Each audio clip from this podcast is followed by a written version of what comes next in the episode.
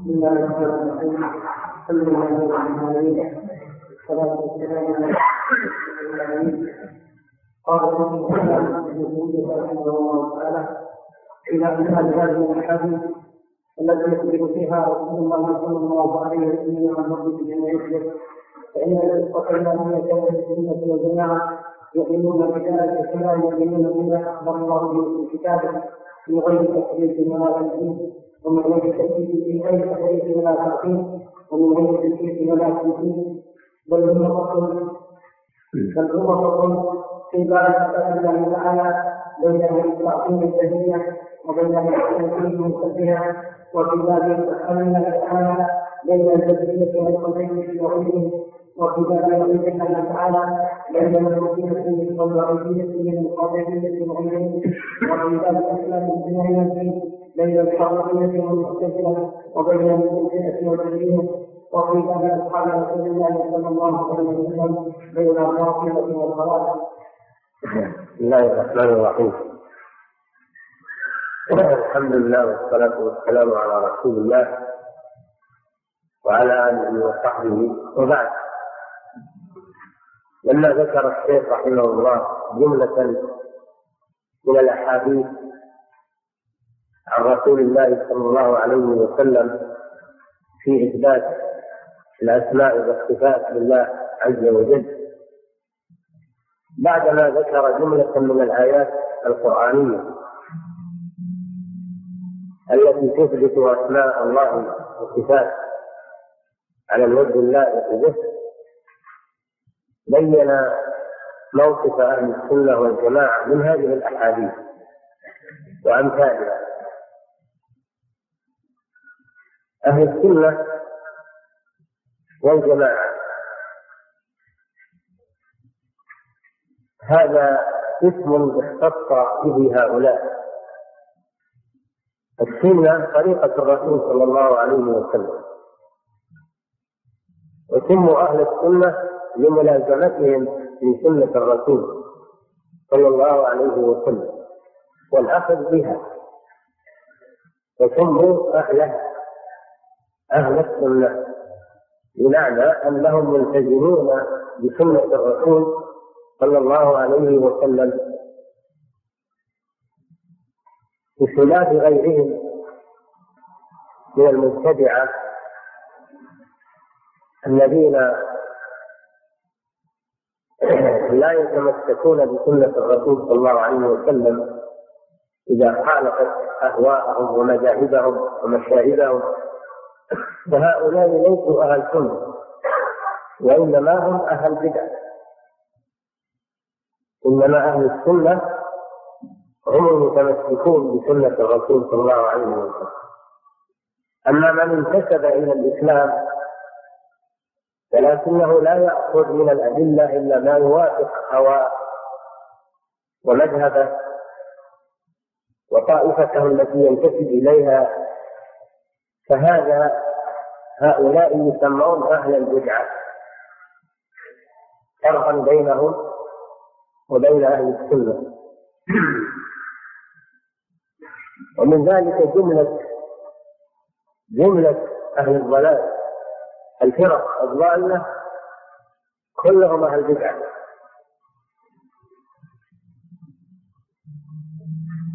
مخالفون لأهل السنة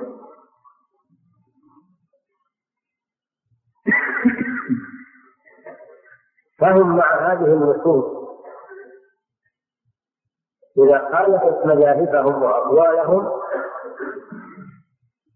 إن قدروا على ردها والتكذيب بها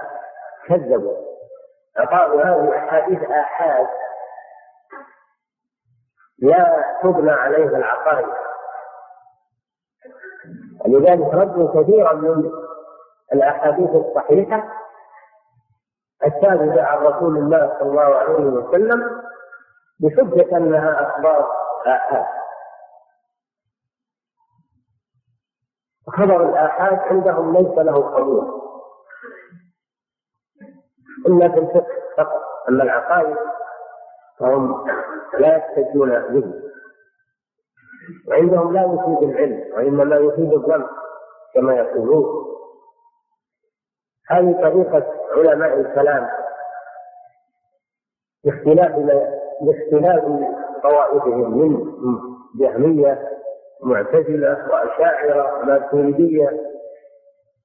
إلى آخر القائمة يرفضون الأحاديث الصحيحة الواردة في صفات في أسماء الله وصفاته بحجة أنها أخبار آحاد كما يقولون أما أهل السنة فيقولون كل ما صح عن رسول الله صلى الله عليه وسلم فإنه حج في العقائد وفي غيره سواء كان متواترا أو آحادا المدار على الصحة كما صح سنده إلى رسول الله صلى الله عليه وسلم رواه الثقات الأثبات فإنه حجة حجة في الدين لا يقدمون عليه شيئا هذا موقف أهل السنة والجماعة من أحاديث الرسول صلى الله عليه وسلم أما إذا ثبت الحديث عندهم يعني عند المتبعة ولم يجدوا حيلة في رده فإنهم يلجأون إلى التأويل يلجأون إلى التأويل وصرفه عن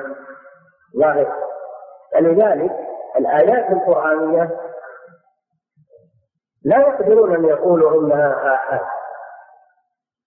الآيات القرآنية لا يقدرون أن يقولوا إنها آحاد أخبار آحاد لأن القرآن كله متواتر فلذلك لجأوا إلى تأويل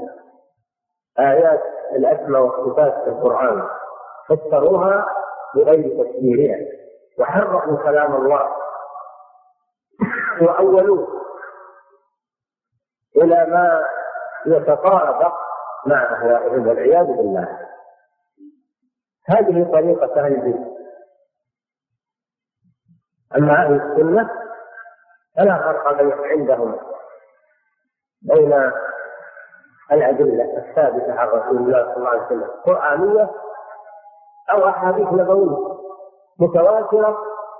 أو آحاد لا فرق عندهم يدلون بها ويؤمنون بها ويتمسكون بها ويتبعون رسول الله صلى الله عليه وسلم فيه غير تحريف ولا تعقيد غير تكفير ولا تنفيذ فلذلك سموا اهل السنه فرقا بينهم وبين اهل البدع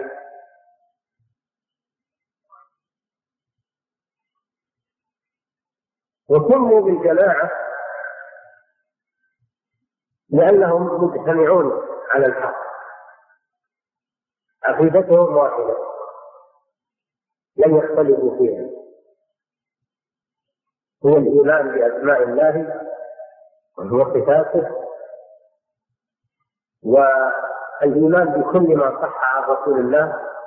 صلى الله عليه وسلم لم يختلفوا من أولهم إلى آخرهم على جادة واحدة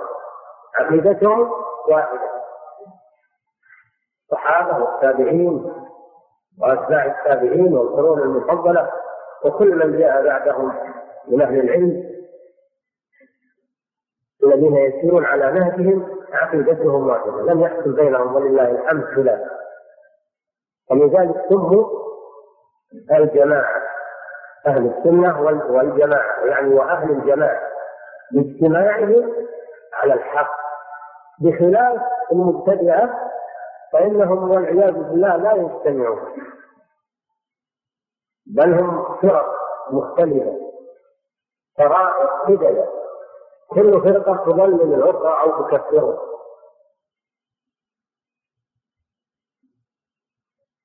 فلا تحصى فرق أهل الضلال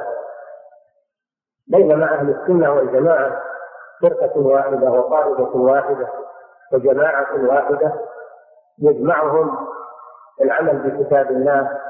وسنة رسوله صلى الله عليه وسلم واتباع السلف الصالح فلذلك سموا أهل الجماعة هذه ميزتهم لهم ميزتان الميزة الأولى أنهم أهل سنة يتمسكون بها الميزة الثانية أنهم أهل جماعة والميزة الثانية مبنية على الميزة الأولى لما تمسكوا بالسنة أثمر ذلك لهم الاجتماع والاتفاق يشير إلى هذا قوله تعالى واعتصموا بحبل الله جميعا ولا تفرقوا فمن اعتصم بحبل الله فإنه لا يتفرق قال تعالى ولا تكونوا كالذين تفرقوا واختلفوا إلا بما جاءهم البينات وأولئك لهم عذاب عظيم الذين تمسكوا بالبينات من كتاب الله وسنة رسوله لم يختلفوا ولم يتفرقوا ولم يتعادوا ولله الحمد بل هم جماعة واحدة من أولهم إلى آخرهم بينهم المحبة والألفة والترحم بعضهم على بعض والاقتداء بعضهم ببعض هكذا كما قال تعالى والمؤمنون والمؤمنات بعضهم أولياء بعض يأمرون بالمعروف وينهون عن المنكر ويقيمون الصلاة ويطيعون الله ورسوله أولئك سيرحمهم الله إن الله عزيز حكيم هذه صفة أهل السنة والجماعة وهذا موقفهم من النصوص يحترمونها ويعظمونها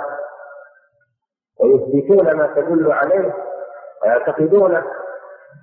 ولا يردون شيئا مما صح عن رسول الله صلى الله عليه وسلم هذه طريقة فلذلك صاروا أمة صاروا صار أهل السنة والجماعة وسطا بين الفرق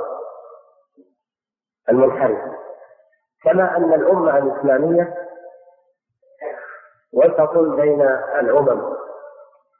الله جل وعلا وصف هذه الأمة بأنها أمة وسط قال تعالى وكذلك جعلناكم أمة وسطا لتكونوا شهداء على الناس ويكون الرسول عليكم شهيدا والوسط ما بين الطرفين ما بين الطرفين طرف الإفراط وطرف التفريط فهم معتدلون متوسطون ليس عندهم إفراط وهو العلو والتنقع وليس عندهم تفريط وهو التساهل والانحلال التفتت وإنما هم وسط بين أصحاب الغلو وأصحاب التساؤل وسط بين الغالي والجاد وكذلك الوسط يراد به العدل الخيار الوسط العدل الخيار الله جعل هذه الأمة وسطا يعني عدلا خيارا يستشهدها على الأمم يوم القيامة يوم القيامة يقول الله للرسل يسأل الله الرسل هل بلغتم؟ فيقولون نعم يا ربنا فيقول للأمم هل بلغوكم؟ هل الرسل بلغوكم؟ فينكرون من تنكر الأمم الكافرة تنكر أن رسلها بلغتهم فتشهد هذه الأمة للرسل أن أنهم بلغوا الأمم تشهد هذه الأمة للرسل عليهم الصلاة والسلام أنهم بلغوا أممهم وأقاموا عليهم الحج فكيف عرضوا ذلك؟ عرضوا ذلك من كتاب الله الذي أنزله عليهم مفصلا عرضوا ذلك من كتاب الله الذي ضمنه الله أخبار ما كان وما يكون فوجدوا في كتاب الله أن الرسل بلغوا أممهم وأن أممهم أنكروا وكفروا وكذلك جعلناكم أمة وسطا أن تكونوا شهداء على الناس لأن الشاهد يجب أن يكون عدلا يجب أن يكون الشاهد عدلا الله جل وعلا جعل هذه الأمة عدولا خيارا من أجل أن يستشهدهم يوم القيامة على الأمم وذلك لخيرية هذه الأمة قال تعالى كنتم خير أمة أخرجت للناس تأمرون بالمعروف وتنهون عن المنكر ومنون بالله فهذه الأمة يصح بمعنى أنها عدل خيار وبمعنى أنها متوسطة بين أهل الجفا وأهل الغلو فهي وسط بين الأمم بين أمة الجفا وهي اليهود التي جفت في حق الأنبياء وقتلت بعضهم وكذبت بعضهم وبين أهل الغلو وهم النصارى الذين غلوا في المسيح حتى قالوا إنه ابن الله وكان ابن ثلاث وغلوا بالأحبار والرهبان حتى أطاعوهم في تحليل ما حرم الله تحليل ما أحل الله اتخذوا أحبارهم ورهبانهم أربابا من دون الله هؤلاء هم النصارى والمسيح ابن مريم وما أمروا إلا ليعبدوا إلها واحدا فاليهود جفوا في حق الأنبياء والرسل وكذبوا بعضهم وقتلوا بعضهم وطعنوا في عيسى عليه السلام وقالوا انه ولد غبي قال الله تعالى أو كلما جاءكم رسول بما لا تهوى أنفسكم استكبرتم ففريقا كذبتم وفريقا تقتلون هذا خطاب لليهود فهم كفروا في حق الأنبياء بينما غنى النصارى في حق عيسى ورفعوه فوق منزلته بل غلوا في حق الأحبار والرهبان فجعلوهم يحللون ويحرمون ويطيعونهم في ذلك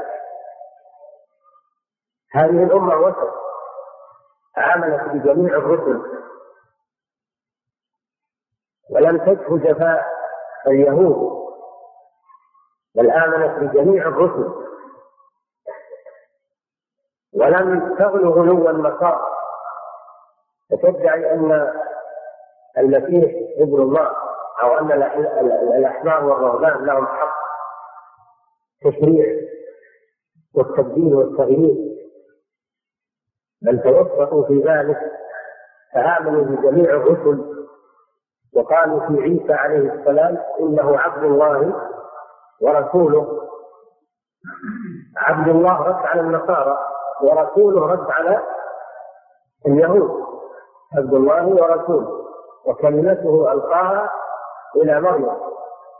رد على اليهود الذين قالوا إنه ابن مريم وذلك أن الله خلق المسيح عليه السلام بنفخة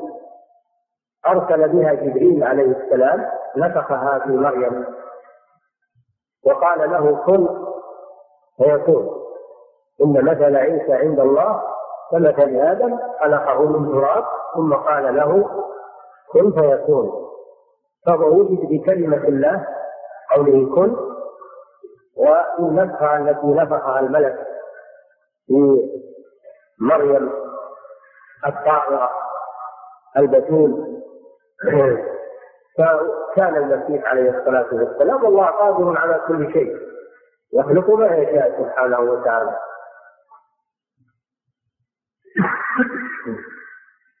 هذه الأمة وسط بين وغلو النصارى وجفاء اليهود في حق الأنبياء كذلك النصارى شبهوا المخلوق بالخالق تنقص الله عز وجل شبهوا المخلوق بالخالق شبهوا عيسى بالله جل وعلا ونسبوه انه ابنه واليهود بالعكس شبهوا الخالق بالمخلوق قالوا ان الله فقير ونحن اغنياء ان الله خلق الخلق وتعب يوم السبت واستراح يوم السبت وكفى الله بالتعب والعسر رد الله تعالى عليهم ولقد خلقنا السماوات والارض وما بينهما في سته ايام وما مسنا من لغوب اولم يروا ان الله الذي خلق السماوات والارض ولم يعي بخلقهن الرد على اليهود الذين قالوا ان الله تعب من الخلق الثراء يوم السبت تعالى الله عما يقولون وقالوا يد الله مغلوله الى غير ذلك من مقالاتهم الشنيعه التي قالوها في حق الله سبحانه وتعالى هذه الامه امنت بالله سبحانه وتعالى واعتقدت ان الله جل وعلا لا يشبه احدا من خلقه ولا يشبهه احد من خلقه ليس كمثله شيء وهو السميع البصير امنوا بهذا فكانوا وسطا بين اليهود والنصارى كذلك في الحلال والحرام اليهود تشددوا في الحلال والحرام حرمت عليهم اشياء طيبات بسبب تشددهم بظلم من الذين هادوا حرمنا عليهم طيبات احلت لهم لما تشددوا عاقبهم الله فحرم عليهم اشياء طيبات للتضييق عليهم وعقوبتهم ونكاية بهم وعلى الذين هادوا حرمنا كل ذي ظفر ومن البقر والغنم حرمنا عليهم حكومهما إلا ما حملت ظهورهما أو الحوايا أو ما اختلط بعرض ذلك جزيناهم ببغيهم وإنا لصادقون فالله شدد عليهم وحرم عليهم أشياء هي حلال عقوبة لهم شددوا فشدد الله عليهم أما النصارى فهم على النقيض حللوا وحرموا أشياء ما أنزل الله بها من سلطان استحلوا الخنزير هو أخبث أخبث المخلوقات واستحلوا النجاسات والقانورات صاروا يتعقدون بالنجاسات والقانورات والفاضل عندهم من يتلبس بالنجاسات والقاذورات ويعتبرون هذا عبادة لله عز وجل فهم على النقيض من اليهود اليهود تشددوا في الحلال والحرام النصارى تساهلوا في الحلال والحرام حتى استباحوا المحرمات استباحوا الخنزير استباحوا النجاسات استباحوا الخمر اتباع أشياء كثيرة مما حرم الله عليه هذه الأمة ولله الحمد وسط في باب الحلال والحرام ليس عندها تشدد اليهود وليس عندها تساهل النصارى بل هي تاكل ما أحل الله لها وتتجنب ما حرم الله عليها فهم يتبعون الدليل والكتاب والسنة فلا حلال إلا ما أحله الله ولا حرام إلا ما حرمه الله ولا دين إلا ما شرعه الله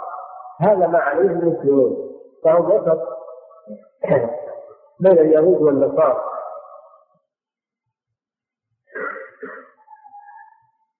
هذه وسطية الأمة بين الأمم أهل السنة والجماعة وسط بين الفرق الضالة كوسطية الأمة بين الأمم أهل السنة والجماعة وسط بين الفرق الضالة المنتسبة إلى الإسلام كما أن الأمة وسط بين الأمم الكافرة فهم وسط في أبواب منه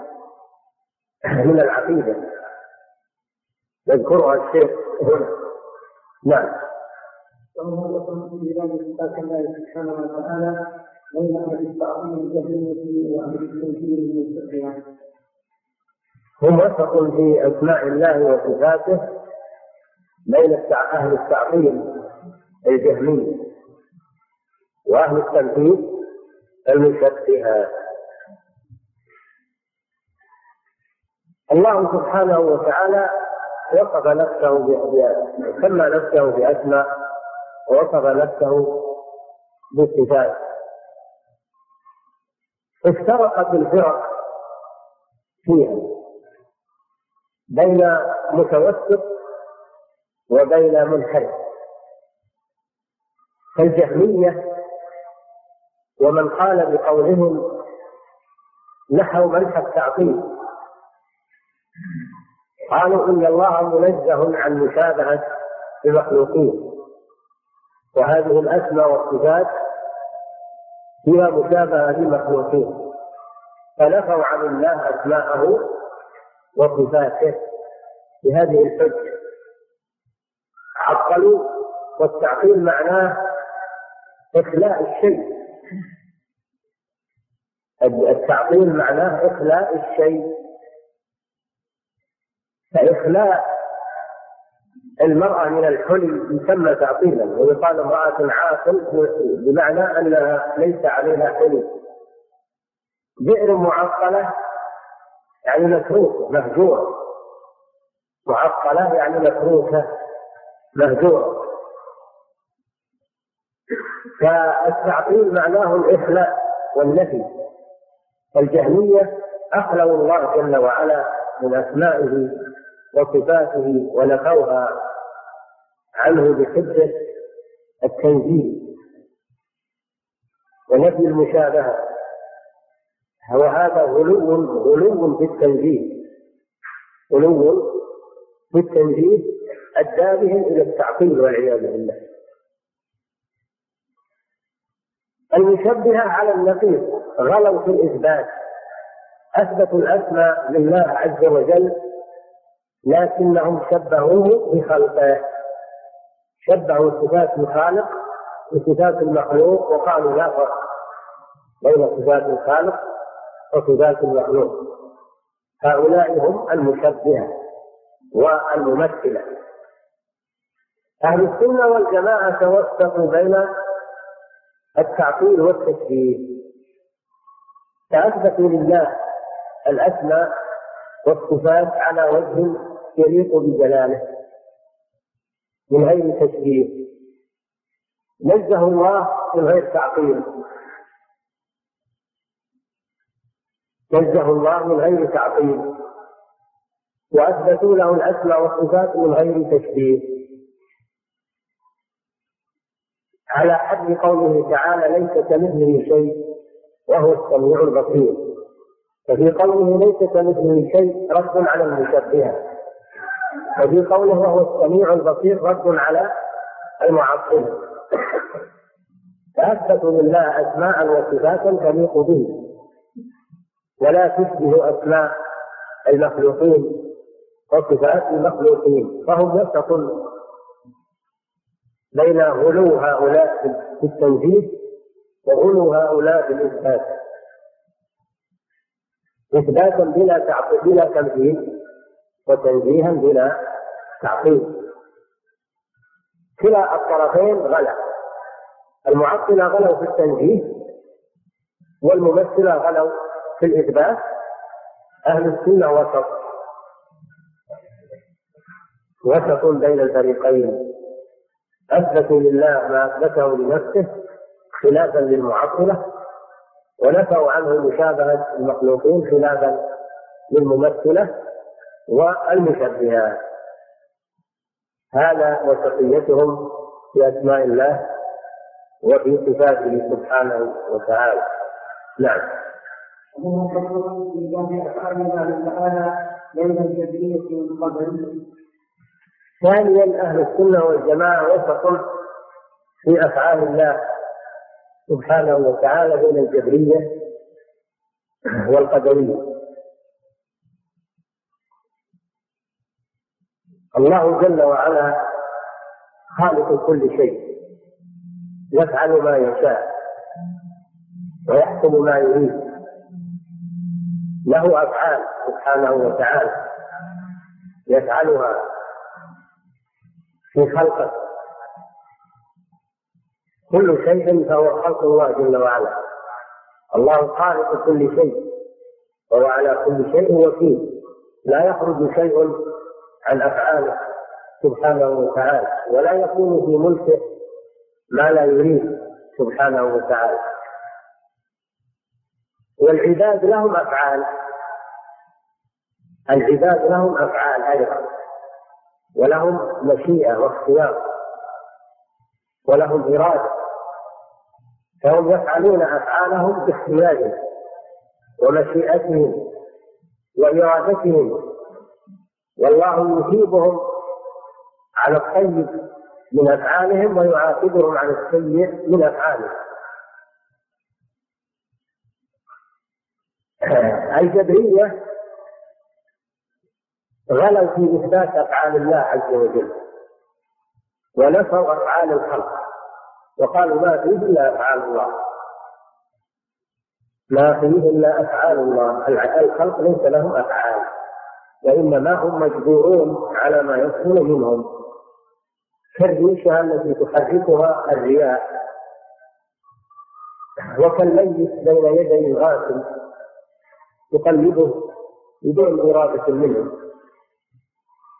فهم مجبورون على أفعالهم هل يفعل غيرهم هم إنما هم مجرد أداة تحرك هذا قول جبريل غلوا في إثبات أفعال الله حتى نفوا أفعال الخلق وقالوا إن الخلق ليس لهم أفعال فإنما هم مجبورون على ما يصدر منهم يحركون فقط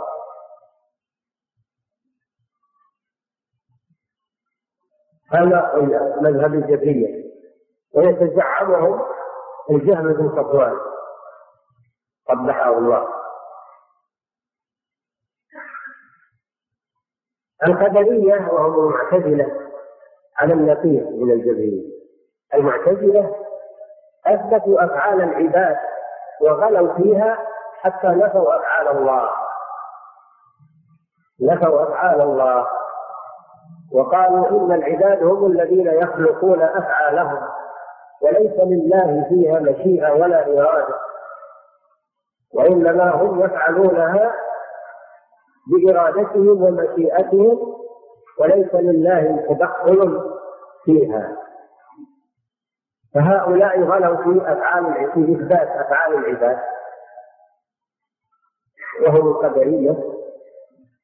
سموا قدرية لأنهم نفوا القدر وقالوا إن الإنسان يخلق فعل نفسه واما الجبريه فانهم على النقيض غلوا في اثبات افعال الله ونفوا افعال الخلق اما اهل السنه والجماعه فانهم توسطوا وقالوا الله جل وعلا خالق كل شيء وكل شيء يحكم في هذا الكون فإنه بإرادته ومشيئته وتقديره سبحانه وتعالى ولكن العباد لهم أفعال أيضا لهم أفعال واختيار عقول تمييز بين الضار والنافع بين الخير والشر يتحركون بإرادتهم الإنسان هو اللي يصلي باختياره أو يترك الصلاة باختياره الإنسان هو الذي هو الذي يجاهد في سبيل الله باختياره أو يترك الجهاد باختياره يزني أو يسرق أو يشرب باختياره وإرادته ومنوله ولكن الله قدر هذا قدر هذه الأمور وأعطاه الحرية والقدرة والإرادة يتصرف حسب إرادته ومقدرته والله جل وعلا حكيم في تقديره يقدر الخير لأهل الخير ويقدر الشر لأهل الشر كل ميسر لما خلق له فأما من أعطى واتقى وصدق بالحسنى فسنيسره لليسرى وأما من بخل واستغنى وصدق بالحسنى فسنيسره للعسرى السبب من عند العبد والقدر من عند الله جل وعلا فهم توسطوا بين الفريقين اثبتوا افعال الله جل وعلا واثبتوا افعال العباد وقالوا لا تناقض بينهما لا تناقض بين افعال الله وبين افعال العباد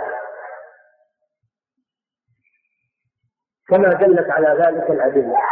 قال الله تعالى لمن شاء منكم أن يستقيم هذا فيه إثبات المشيئة للمخلوق والاستقامة وأنه يستقيم باختياره أو ينحرف باختياره ثم قال وما تشاءون إلا أن يشاء الله رب العالمين فمشيئة المخلوق تابعة لمشيئة الله الله هو الذي أقدره على هذا الشيء وأعطاه هذه الإمكانيات وأعطاه العقل وأعطاه التفكير ويسر له المادة التي يتصرف فيها لكن هو باختياره وبعقله وإرادته هو يظن أو يهتدي يكفر أو يسلم يصلي أو يجري العبد له قدرة وله اختيار على هذه الأشياء والله لا يعاقب احدا ليس له قدره ولا اختيار ولذلك المجهول ليس عليه التكليف الناس لا يعاقب لانه لم يرد هذا الشيء ولم يحترم العاجز تسقط عنه كثير من الواجبات بسبب العجز ليس على الاعمى حرج ولا على الاعرج حرج ولا على المريض حرج يعني في فرق الجهاد في سبيل الله انهم عاجزون عذرهم الله في ترك الجهاد عذرهم في ترك الهجره الا المستضعفين من الرجال والنساء لا يستطيعون حيله ولا يهتدون سبيلا فاولئك عسى الله ان يغفر فالعاجز لا يراقب المجنون لا يراقب النايم لا يراقب الناس لا يراقب لكن الانسان الذي يفعل الاشياء باختياره وبارادته وفي فعله ويقدم عليها بإرادته هو يتابع على الطاعة ويعاقب على المعصية أما لو كان مجبورا فكيف يعاقب وكيف يجابه مجبور؟ ما صحيح ولا يقول بهذا عاقل فضلا عن مؤمن هذا هو أهل السنة والجماعة في أفعال الله وأفعال العباد فالجبرية غلوا في إثبات أفعال الله حتى نفوا أفعال العباد القدرية على النقيض غلوا في إثبات أفعال العباد حتى نفوا أفعال الله جل وعلا أهل السنة والجماعة توثقوا فأثبتوا أن لله أفعالا وأن للعباد أفعالا وأن الله سبحانه وتعالى يثيب على الطاعات ويعاقب على على المعاصي وهذا ما تدل عليه الأدلة من كتاب الله من سنة رسوله ومن الواقع أيضا الواقع المعقول فإن مذهب الجبرية لا تقوم على الحياة أبدا لو جاء واحد وضرب واحد أليس المضروب يطلب الانتصار من الظالم ها؟ أليس يطلب الانتصار؟ أليس يقول له لماذا ضربتني؟ لو مشينا على قول جميع قلنا ما ما ضربت هذا اللي ضربت الله لما ضربت هذا مجرد آية لا في شيء فلماذا إذا تحتج بقضاء الله وقدره على فعل المعاصي ولا تحتج بقضاء الله وقدره على ما يصيبك من الناس من الظلم كيف تطالب بالقصاص تطالب بغض الظلمة عن ظلمهم إذا أساءوا إليه لا ما تقوم على هذا المذهب حياته والعياذ بالله هل كل شيء يترك على ما هو عليه قال هذه أفعال الله اللي يقتل واللي يسرق واللي يجري واللي هذه أفعال الله أي أفعال العباد ونترك الظلماء ونترك أهل الشر ويفعلون ما يشاءون ويتركون الطاعات وهذولا ما الله ما ما حركهم للطاعات معذورون هذا مذهب الجبرية مذهب باطل كذلك القدرية مذهبهم أيضا باطل هل يعقل أن العبد يستقل بأفعاله بدون تقدير الله عز وجل وبدون إرادة الله سبحانه إذا هذا يلزم عليه العدل في حق الله عز وجل لأن الناس يتغلبون عليه الناس يتغلبون عليه ويفعلون أشياء في ملكه هو لا يريدها ولم يقدرها هذا وقت لله بالعدل تعالى الله عما يقولون هذا هو تقية أهل السنة والجماعة في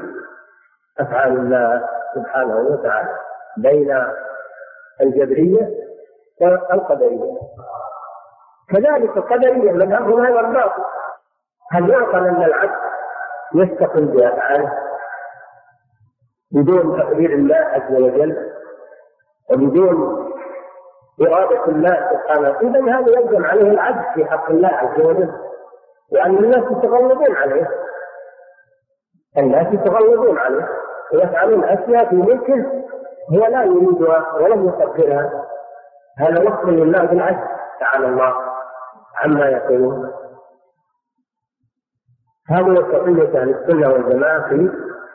أفعال الله سبحانه وتعالى بين الجبرية والقدرية نعم. بين المرجئه وبين المعيديه من القدريه وغيرهم ثالثا اهل السنه والجماعه وسط في باب الوعيد أيوة بين المرجئه والوعيديه أيوة الوعيد أيوة المراد به ما ورد في الكتاب والسنه من كواكب العقاب من يعص الله ورسوله فإن له نار جهنم خالدين فيها أبدا هذا من نصوص الوعيد ومن يقتل مؤمنا متعمدا فجزاؤه جهنم خالدا فيها وغضب الله عليه ولعنه وأعد له عذابا عظيما هذا من نصوص الوعيد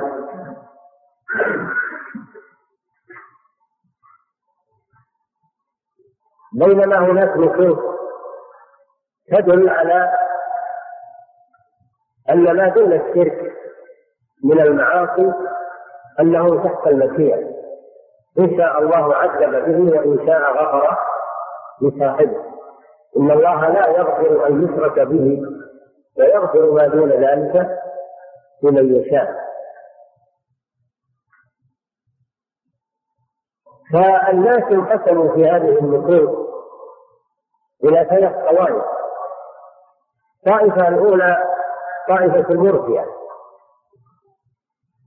الذين أخذوا بنصوص الوعظ نصوص الوعظ إن الله لا يغفر أن يشرك به ويغفر ما دون ذلك من يشاء أخذوا بنصوص الوعظ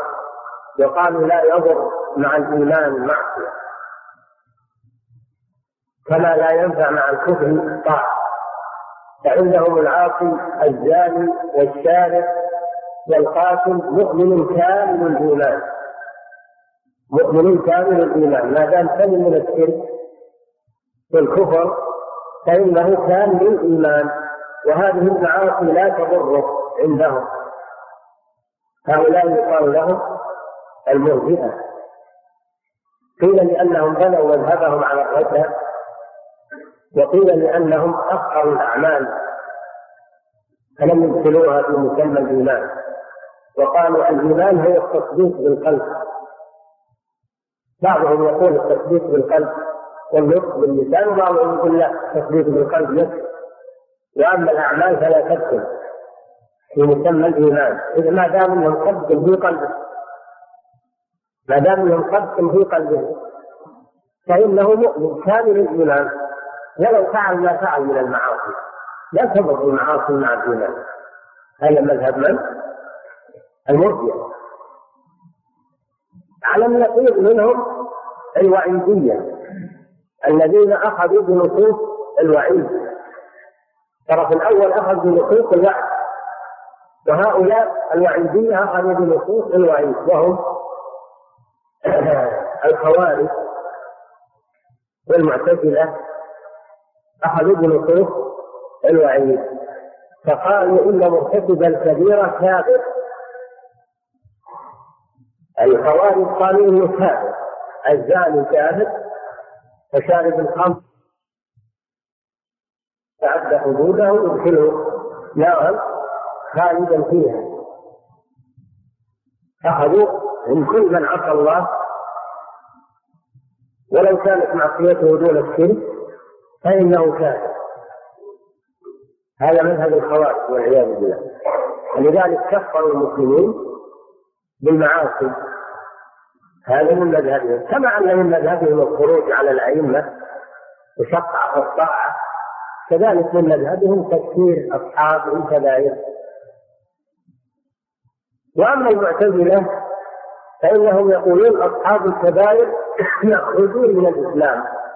يخرجون من الإسلام لكنهم لا يدخلون في الكفر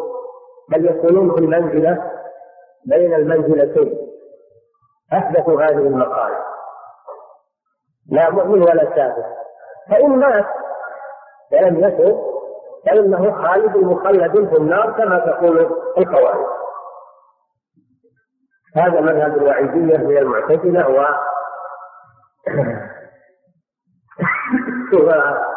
والقواعد أهل السنة والجماعة توثقوا وجمعوا بين النصوص بين نصوص الوعد ونصوص الوعيد فقالوا مرتكب الكبيرة مؤمن خلافا للخوارج والمعتزلة لكنه ناقص الإيمان خلافا للمرجع مؤمن خلافا للخوارج والمعتزلة لكنه ناقص الإيمان خلافا للمرجئة الذين يقولون انه كامل الايمان ولا تضره المعاصي او يقولون هو مؤمن بايمانه فاسق بكبيرته فليس هو مؤمن الايمان المطلق وليس هو خارج من الايمان بالكليه وإنما معه إيمان لا يخرجه من الكفر يبقى معه أصل الإيمان لكنه إيمان ضعيف بسبب المعاصي لأن عند أهل السنة أن الإيمان يزيد بالطاعة وينقص بالمعصية فكل ما عصى نقص إيمانه حتى ربما يكون إيمانه مثقال حبة من خردل أو أقل ضعف الإيمان قال الله تعالى هم للكفر يومئذ أقرب منهم للإيمان هؤلاء مؤمنون لكن إيمانهم ضعيف جدا هم أقرب من الكفر قالوا الكبائر لا تخرج من الإسلام إذا كانت دون الشرك خلافا للخوارج والمعتزلة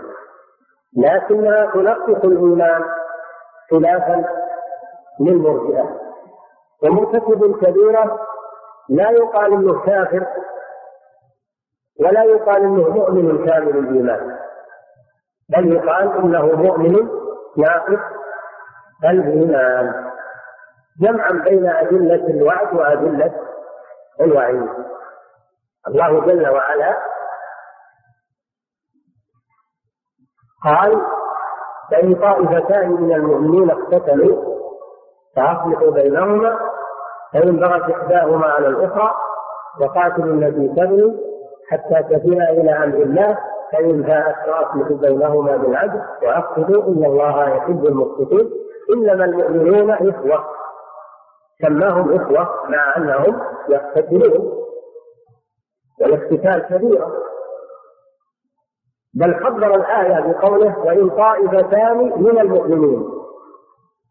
فسمى الطائفتين من من المؤمنين مع انهم يقتتلون ويقتل بعضهم بعضا فدل على ان اسم الايمان داخل معهم انهم لم يكفروا لم يكفروا لذلك وقال تعالى يا ايها الذين امنوا كتب عليكم القصاص في القتلى الحر بالحر والعبد بالعبد والانثى بالانثى فمن عفي له من اخيه من اخيه شيء فجعل المقتول اخا للقاتل جعل المقتول اخا للقاتل فمن عفي له من اخيه يعني من المقتول شيء فاتباع بالمعروف واداء اليه باحسان فدل على ان القتل بغير حق عمدا عدوانا وهو كبيرة من كبائر الذنوب انه لا يخرج من المنزل ولكن القاتل يكون فاسقا ناقص ناقص الايمان معرض للوعيد إن شاء الله عذبه وإن شاء غفر له إن الله لا يغفر أن يشرك به ويغفر ما دون ذلك لمن يشاء هذا مذهب أهل السنة وهو وسط بين الطرفين بين المرجئة الذين لا الذين يقولون لا يضر مع الإيمان معصية وإن كانت كبيرة والعاصي مؤمن كامل الايمان وان زنى وان سرق وان وان وبين الوعيديه الذين يكفرون المسلمين بارتكاب الكبائر التي هي دون الشرك اهل السنه والجماعه ولله الحمد والفضل وجمعوا بين النصوص وعملوا بكتاب الله كله اما اولئك فكل طائفه اخذت بطرف وتركت الطرف الآخر نعم بين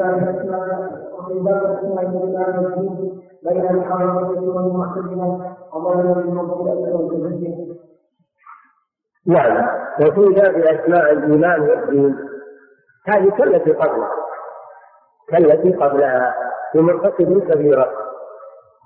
مرتكب كبيرة الزنا وشرب الخمر والسرقة الكبيرة التي دون الشرك الخوارج والمعتزلة يحكمون عليه بأنه كافر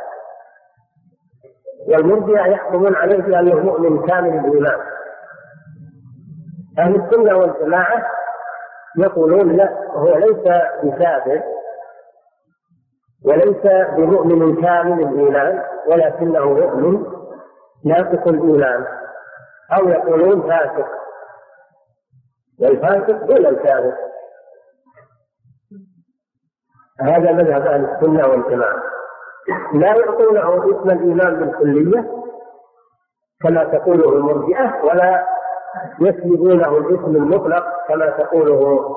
الخوارج والمعتزله بل يسمونه الفاسق الملي الفاسق الملي يعني الذي لم يخرج من المله هذا مذهب اهل السنه والجماعه والمسألة هذه والتي قبلها مسألتان مهمتان جدا لأنه كثر القول فيهما الآن بسبب الجهل أو بسبب الهوى فصار كثير من الناس يخوض في هاتين المسألتين على غير بصيرة ويكفر الناس بغير بصيرة وينحى منح الخوارج والمعتزلة الأمر خطير جدا بينما طرف آخر يتساءل فيطلق الإيمان على كثير من الكفر حتى بلغ الأمر من بعضهم من اليهود والنصارى ليسوا كفار اليهود والنصارى ليسوا كفار هذا إرجاء أشد من الإرجاء الأول والعياذ بالله نعم كل هذا بسبب إما الجهل وإما الهوى إما الجهل وهو الأكثر وإما الهوى والعياذ بالله نعم وفي رسول الله صلى الله عليه وسلم المسألة الأخيرة أهل السنة والجماعة يثقون في أصحاب رسول الله صلى الله عليه وسلم بين الرافضة والخوارج الرافضة طائفة من الشيعة من الشيعة يقال لهم الرافضة ويقال لهم الجلابية ويقال لهم الجعفرية قائده من الشيعة سموا رافضة لأنهم جاءوا إلى زيد بن علي بن الحسين بن علي بن أبي طالب رضي الله عنه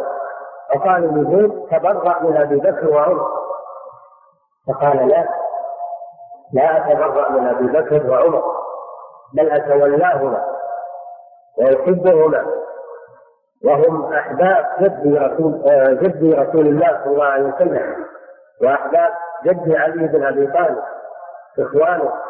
لا أتبرأ منهم فقالوا إذا نرفضه فسموا رافضة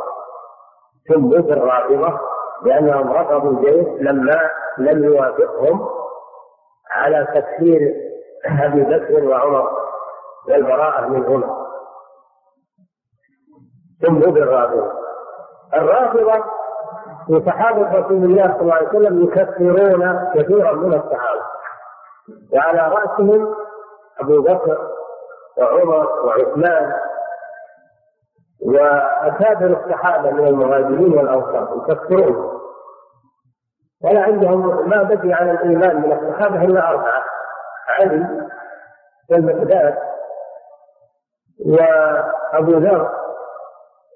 وسلمان فيقول هؤلاء هم اللي بقوا على الاسلام اما غيرهم فانهم كفروا ويقولون في ام المؤمنين عائشه رضي الله تعالى عنها قولا غضيعا ويسبونها سبا شديدا ويتكلمون في معاويه بن ابي سفيان رضي الله عنه وفي عمرو بن العاص وفي آه، المغيرة بن شعبة وفي آه، وفي آه، أبي موسى الأشعري وغيرهم لم يستثنوا أحدا من المهاجرين والأنصار إلا وحكموا عليهم بالكفر والعياذ بالله هذا مذهب الرابع في صحابة رسول الله صلى الله عليه وسلم إذا غلوا في علي بن أبي طالب وفي أهل البيت حتى قالوا إن الخلافة بعد رسول الله صلى الله عليه وسلم لعلي وأن أبا بكر وعمر وعثمان مرتقبون للخلافة ظالمون وأن علي هو الوصي بعد رسول الله صلى الله عليه وسلم بل قالوا ان ان القران انه محرم وان كل ايه فيها ذكر الكافر والفاسق واللعن فيراد به ابو بكر وعمر ومن سايعه وقالوا اقوالا فظيعه والعياذ بالله فهم بين طرفي في الصحابه كفروا أكثرهم وغلوا في أهل البيت غلوا في أهل البيت حتى زعموا فيهم الإلهية والربوبية لانهم يحللون ويحرمون بعد الرسول صلى الله عليه وسلم أن لهم حق النفس لا يريدون ينتقون من الشريعة ما أرادوا ويزيدون ما أرادوا هذا مذهبهم في صحابة رسول الله صلى الله عليه وسلم تناقض غلو في بعضهم وإسفاف وتكفير لأكثرهم أهل السنة والجماعة توسطوا في صحابة رسول الله صلى الله عليه وسلم كأحب الصحابة كلهم يحبون الصحابة كلهم ولا يستثنون أحدا منهم لأنهم صحابة رسول الله صلى الله عليه وسلم وقد قال النبي صلى الله عليه وسلم لا تسبوا أصحابي فوالذي نفسي بيده لو أنفق أحدكم مثل أحد ذهبا ما بلغ مد أحدهم ولا نصيب الله جل وعلا يقول لقد رضي الله عن عن المهاجرين والأنصار والذين اتبعوهم بإحسان قال تعالى والمهاجرون والانصار الذين اتبعوهم باحسان رضي الله عنهم ورضوا عنه واعد لهم جنات تجري تحتها الانهار قال تعالى محمد رسول الله والذين معه اتباع على الكفار وحماء بينهم تراهم ركعا سجدا يبتغون فضلا من الله ورضوانه إلى قوله ليغيظ بهم الكفار وقال سبحانه وتعالى لقد رضي الله عن المؤمنين إذ يبايعونك تحت الشجرة وقال سبحانه وتعالى للمهاجرين الذين أخرجوا من ديارهم وأموالهم يبتغون فضلا من الله ورضوانه وينصرون الله ورسوله أولئك هم الصادقون وصف الله المهاجرين بالصدق ثم قال في الالفاظ والذين تبوأوا الدار والإيمان من قبلهم يحبون من هاجر إليهم ولا يجدون في صدورهم حاجة مما أوتوا وينكرون على أنفسهم ولو كان بهم خطاب ولم يوق شح نفسه فأولئك هم المفلحون وصف الله الأنصار بالفلاح ووصف المهاجرين بالصدق هذا هؤلاء صحابة رسول الله صلى الله عليه وسلم في القرآن وفي السنة يقول النبي صلى الله عليه وسلم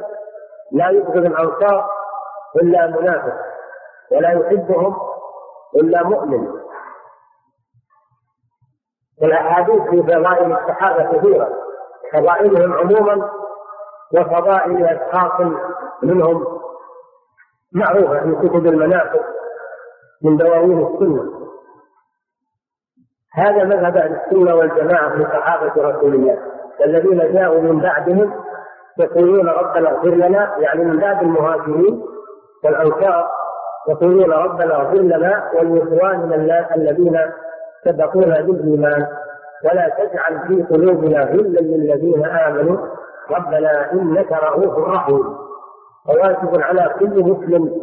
ان يحب صحابه رسول الله صلى الله عليه وسلم حبا من قلبه وان يترضى عنهم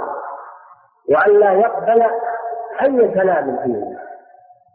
لأنهم صحابة رسول الله صلى الله عليه وسلم وأفضل الأمة وخير القرون قال صلى الله عليه وسلم خيركم قومي ثم الذين يلونهم ثم الذين يلونهم ثم الذين يلونهم فأفضل القرون صحابة رسول الله صلى الله عليه وسلم فمن يأتي ويتلقفهم أو يتلقف أحدا منهم إلا زنديق وكافر قال تعالى ليغيظ بهم الكفار فدل على ان الذي يغتاب في صحابه الرسول انه كان نسال الله العافيه نعم ففي صحابته وفي صحابه رسول الله صلى الله عليه وسلم بينما من الخوارج هذا مذهب الرافض الخوارج كما تعلمون كفروا الصحابه الخوارج كفروا الصحابه كفروا أصحاب التحكيم كفروا عليا وكفروا عمرو بن العاص معاوية وعمرو بن العاص وأبا موسى الأشعري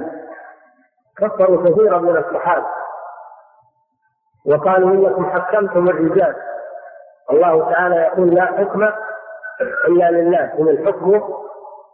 يقول إن الحكم إلا لله ونسوا أن الله جل وعلا حكم الرجال في قوله تعالى يحكم به ذوى ذوى عدل منكم هد هديا بالغا ولذلك نظرهم ابن عباس رضي الله عنه بهذه الآية الرجال يحكمون إذا كانوا علماء والله جل وعلا جعل القضاة يحكمون بين الناس في شريعة الله والنبي صلى الله عليه وسلم إذا اجتهد الحاكم فأصاب فله أجران وإذا اجتهد فأخطأ فله أجر واحد فالخوارج كفروا الصحابة وبالذات علي بن أبي طالب رضي الله عنه بينما الرافضة غلوا فيه واعتقدوا أنه هو الخليفة بعد الرسول بل بعضهم اعتقد أنه هو الله فهم على طرف النقيض بين غلو في علي أو تكفير لعلي أهل السنة والجماعة سيسقطوا في علي رضي الله عنه وعرفوا قدره وأنه رابع الخلفاء الراشدين وأنه ابن عم رسول الله صلى الله عليه وسلم وأنه أحد العشرة المشهود لهم بالجنة وأحد أصحاب الشورى الذين عهد إليهم عمر بن الخطاب رضي الله عنه نعم لا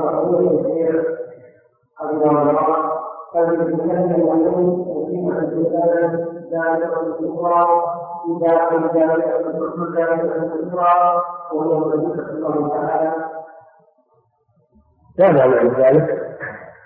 معناه ان مشيئه العباد تابعه لمشيئه الله سبحانه وتعالى وما تشاءون الا ان يشاء الله ومشيئة العباد داخلة في مشيئة الله نعم قال لما تكون من قدرته بهذه مع انه يقول الله ولا يملكون نعم مع انه يقول القدر ولا يملكون لماذا سميت القدر بهذه مع انه يقول القدر لانهم تكلموا بالقدر ثم القدرية لأنهم تكلموا بالقدر وبحثوا فيه نعم قال ما عرفوا من اتخذ القمر وكفر القمر وربما نعلم واعتبر من في اهل اتخاذ الباطل كما حكم هؤلاء حكم هؤلاء انهم على ضلال عظيم و قد يكون يعود من الكفر يعود من الكفر لأنه غالب أنه لا يكف أصحاب رسول الله إلا كافر قال تعالى ليغيظ به الكفار نعم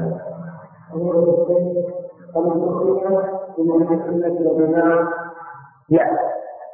وفي المنحرفة التي تعبد القبور والأضرحة أو القائمين بوحدة الوجود أو القائمين بالحلول ليسوا من المسلمين هؤلاء الكفار أما مجرد التصوف الذي معناه الاجتهاد في العبادة ولم يصلوا إلى حد عبادة الموتى ولا الغلو في الأشخاص ولكن عندهم تصوف بمعنى انهم يجتهدون في العباده اجتهادا زائدا عن المشروع هذا ضلال لا شك بدعه ضلال وبدعه التصوف مبداه بدعه ونهايته كفر مبداه بدعه لانه تعبد بما لم يشرعه الله عز وجل ونهايته كفر آل بهم الى الكفر آل بهم الى عباده القبور بسبب الغلو في الاصحاب والأشياء آل بهم إلى القول بوحدة الوجود آل بهم إلى الحلول اعتقاد الحلول لا غير ذلك من الكفريات التصوف أصله دخيل على الإسلام أصله ليس من الإسلام وإنما هو دخيل قيل إنه أتى إلى المسلمين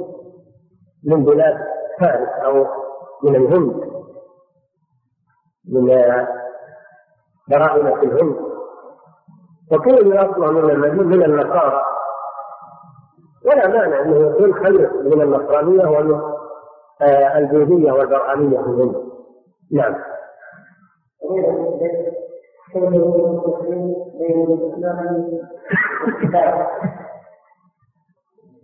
كيف واضح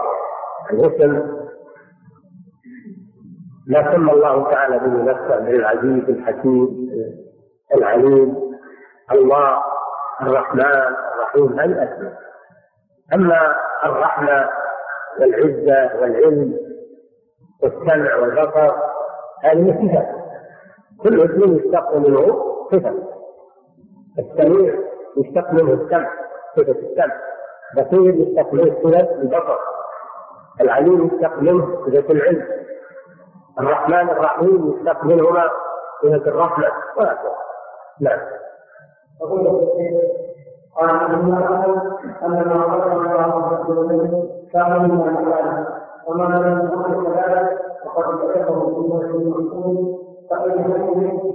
يا رب وهو عليه مرزوق لأن هذا الله سبحانه وتعالى لا يرضى عنه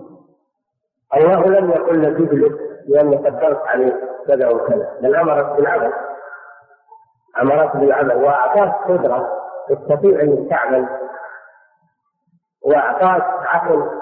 تميز بين الضار والنافع ما قال توحدني لاني قدرت عليك بل قال اعمل امن بالله قلب وجد جاهد في سبيل الله وكيف تترك الاوامر وتعتمد على القدر هذه طريقه الضلال يعتمدون على القدر ويتركون الامر لازم من الجمع بين القدر والامر نؤمن بالقدر ونعمل بالامر الذي قدر المقادير هو الذي امر بالاوامر ونهى عن الموارد وامرنا بالامتثال وقال القدر على ذلك نعم قال قال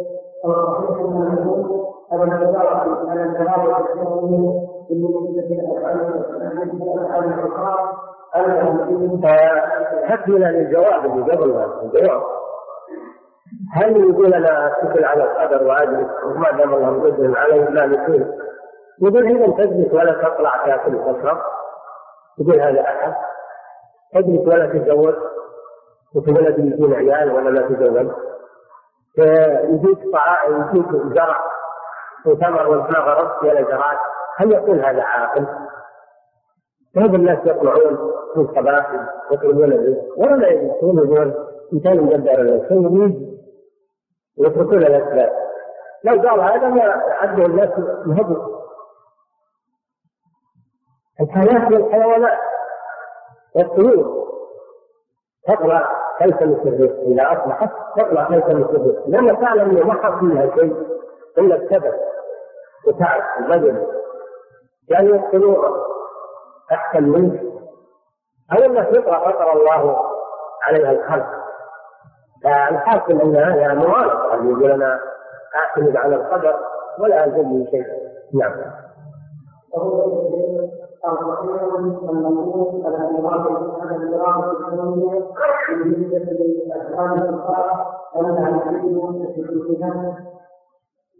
ابن القدر نعم ما هو ابن شرعي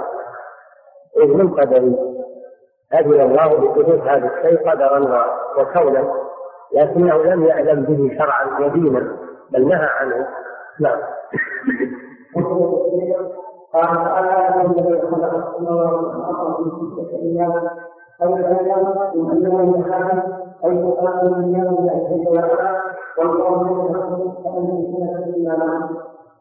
الله اعلم النبي صلى الله عليه وسلم خلها بينها يوم الأحد ويوم الاثنين ويوم ثلاثة ويوم الأربعاء ويوم الخميس ويوم الجمعة تكامل الخلق يوم الجمعة فهي أيام بأسماء أيامنا أما مدتها ومقدارها فالله أعلم لا بينه لنا الرسول صلى الله عليه وسلم نعم ومن كان الله رضي الله عنه وعن والأمارات وهي مذكورة مذكورة في كتب الرواية كتب الأثر مذكورة خرج إليهم لما اجتمعوا في نزول قتال علي رضي الله عنه خرج إليهم وناظرهم راجع منهم ستة آلاف رجع منهم ستة آلاف تابوا إلى الله عز وجل لأنهم اقتنعوا بعزيمة عبد الله بن عباس رضي الله عنه جادلهم بالكتاب والسنة حتى رجع منهم ستة آلاف والذين أصروا قاتلهم علي رضي الله عنه في النهروان حتى قتلهم وقضى عليهم والحمد لله نعم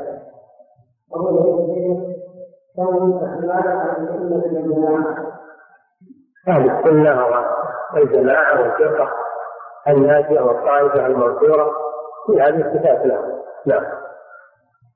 الله تعالى اعلم صلى الله وسلم على نبينا